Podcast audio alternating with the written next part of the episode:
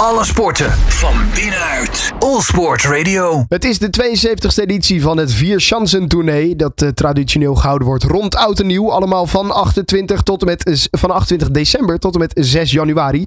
Ja, de grote vraag is natuurlijk wie gaat er vandoor met die grote gouden adelaar? Dat bespreek ik met Krijn Schuitenmaker, commentator bij uh, Eurosport. Krijn, welkom. Goedemiddag. Ja, het is toch altijd een uh, traditie, hè? Die, dat, dat Vier Chansen tournee. Ja, absoluut. En zeker als je het hebt over bijvoorbeeld dat nieuwjaarspringen, hè, wat we net hebben gehad op 1 januari in uh, ja. Spartakiertje. Daar springen ze in uh, Spartakiertje al sinds 1921. En uh, dus dat is wel heel lang inderdaad. En uh, ja, en dat, dat, die vierschansen tournee is natuurlijk ook heel erg bijzonder. Uh, als je het Duitsers vraagt, Oostenrijkers, wat is er belangrijker? De Olympische Spelen, een gouden medaille of de vierschansen tournee winnen? Nou, dan gaan ze wel twijfelen hoor. Ik denk dat heel veel mensen zullen zeggen, die vierschansen tournee is dan toch echt een ietsje belangrijker. Ja, nou ja, het woord zegt het al, het zijn vier wedstrijden en daar wordt een, een, een klassement over bijgehouden. En dan de winnaar van dat klassement, die wint uiteindelijk die grote gouden adelaar. Betekent dus dat ze ook vier losse wedstrijden hebben. De eerste was op uh, vrijdag 29 december uh, in uh, Obertsdorf in Duitsland. En daar ja. won de Duitse skispringer Andreas Wellinger. ja, ja, het was, hij was al in goede vorm. Dus het werd misschien wel een beetje van hem verwacht. Maar om dat ook te laten zien, dat is natuurlijk heel mooi. Ja, die Duitsers zijn eigenlijk altijd een beetje bang voor die eerste twee wedstrijden. Want het is uh, sinds 2002 dat een Duitser uh, de vier heeft gewonnen. Dus al heel lang geleden. De druk is altijd enorm hoog voor de Duitsers. Maar goed, uh, Wellinger deed het eigenlijk al vanaf de kwalificatie goed de Schattenberg Chance, zoals het heet. En het was daar een enorm spektakel met al 16.000 toeschouwers. Bij de kwalificatie 25.500 in de wedstrijd. En toen won hij ook nog eens uh, voor de Japaner Ryoyu Kobayashi. Dus dat was een fantastisch feest. En toen was echt de voor de Duitsers. En ze wisten al dat hij in vorm was. Uh, maar goed, je moet het dan ook maar doen hè, voor, eigen, voor eigen publiek. Met zoveel toeschouwers. En hij heeft het hoofd koel gehouden. En werd uiteindelijk eerst op die eerste schans. Dus dat, ja, dat was een fantastisch Duits feestje daar. Ja, zeker. Dat was voor hem natuurlijk mooi. Je noemde het ook, Kobayashi die uh, werd tweede. Uh, deed gelijk goede zaken dus. Ja, Ryoyo Kobayashi is eigenlijk vooraf hadden we gezegd, nou, dat is een beetje een outsider, deze vierschansen tournee. Dat is de man die hem al twee keer won. In 2022 won hij op 6 januari en in 2019 won hij hem al. Dus hij, ja, het is een coole kikker. En die kan het hoofd inderdaad cool houden. Hij werd uh, tweede en die staat er ook in die vierschansenstand. Ook bij de tweede wedstrijd heel erg goed voor. Dus het was een mooie krachtmeting tussen die twee. En ook de Oostenrijker Stefan Kraft is natuurlijk een oud winnaar. Kraft, die uh, in 2015 al de vierschansen tournee uh, voor het eerst won, die, ja, die deed volop mee naar die eerste wedstrijd. Is bij de tweede wedstrijd wel een klein beetje afgehaakt. Maar uh, ja, het is een mooi deelnemersveld met dus Wellinger, Kobayashi, Kraft als de, als de top drie bij die eerste, op die eerste schans in Oberstdorf. Ja, inderdaad. Nou, dat was dan dus allemaal op vrijdag 29 december. Uh, toen kwam eventjes oud en nieuw ertussendoor. Maar op 1 januari uh, werd er weer uh, verder gesprongen. en toen ging Lani zeker ineens vandoor met de overwinning. Terwijl die er in um, in Duitsland bij de eerste wedstrijd er helemaal niet goed bij zat. Nee, toen was hij achttiende. En eigenlijk vanaf de kwalificatie liep het al heerlijk op de Grosse Olympia Chance. En dat is ook wel een schans die een klein beetje moet liggen. Stefan Kraft bijvoorbeeld, die Oostenrijker, die was in de laatste jaren, zijn beste prestatie was volgens mij dertiende. En die was eigenlijk een beetje, ja, een beetje huiverig. Uh, want je kunt zomaar de vierschansen tournee ook op deze schans verliezen. Uh, dat is natuurlijk ook het leuke van die vierschansen tournee. Die schansen zijn ook allemaal verschillend. Hè. Ze zien er op tv natuurlijk allemaal ongeveer hetzelfde uit. Het is lekker ja. hoog. Het gaat hard richting de 90 km per uur. Richting ja. de schanstafel als de afsprong plaatsvindt. Maar er zijn wel verschillen. De ene schanstafel is wat langer. Het laatste deel van de schans.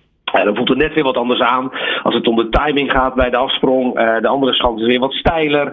Uh, op de schans in Garmisch kunnen de atleten die kunnen echt kunnen ski vliegen. Die dat vliegsysteem goed te orde hebben.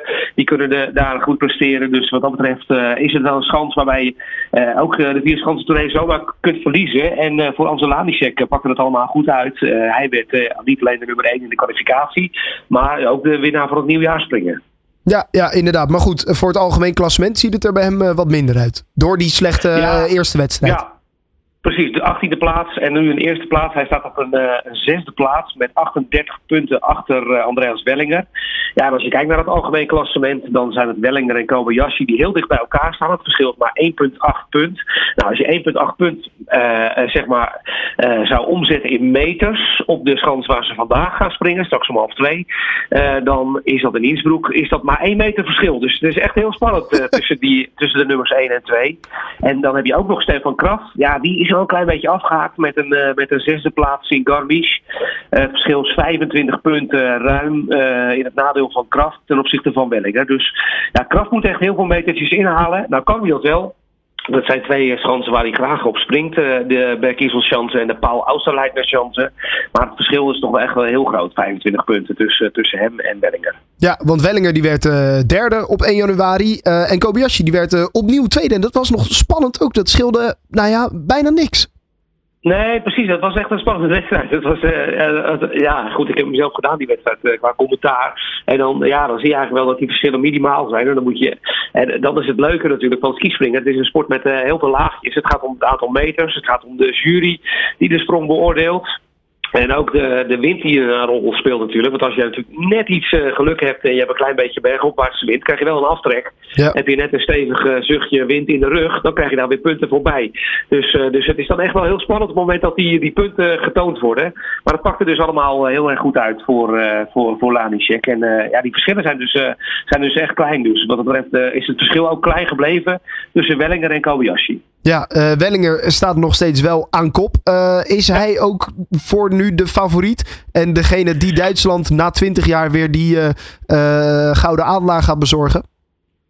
Ja, dat zou zomaar kunnen. Ik kijk eventjes naar de trainingsresultaten van Wellinger. Nou, ik kan ze niet zo snel vinden. Ik zag dat uh, in de kwalificatie toch wel weer uh, de allerbeste was.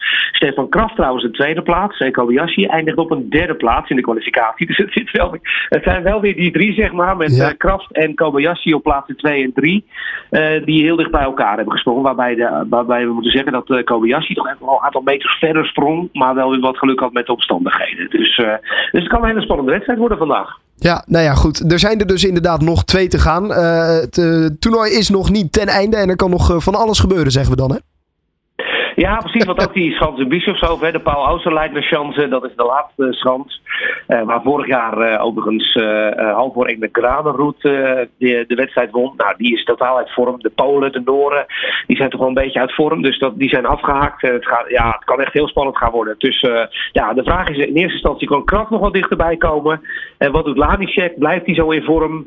maar in het klassement gaat het om Wellinger en Kobayashi. Dus die gaan we heel goed in de gaten houden vandaag. Precies, inderdaad. vandaag wordt er weer opnieuw gesprongen. En dan de laatste wedstrijd op 6 januari. En dan weten we wie er vandoor gaat met nou ja, die belangrijkste trofee. Dus zoals je aan het begin al zei in het schanspringen. Het gaat niet om de Olympische Spelen, maar het gaat om deze. Ja, de Gouden Adelaar plus 105.000 Zwitserse franken. Dus dat is nog 100.000 euro omgerekend. Dus uh, daar is ook nog een flinke prijzenpot uh, mee te verdienen. En natuurlijk de titel. Ja, want, uh, wordt het een Duitser voor het eerst sinds 2002, dan, dan staat het land op zijn kop. Zeker. nou ja, het is een mooi toernooi om in de gaten te houden. Het vier toernooi. Krijn, dankjewel. Alle sporten van binnenuit. All Sport Radio.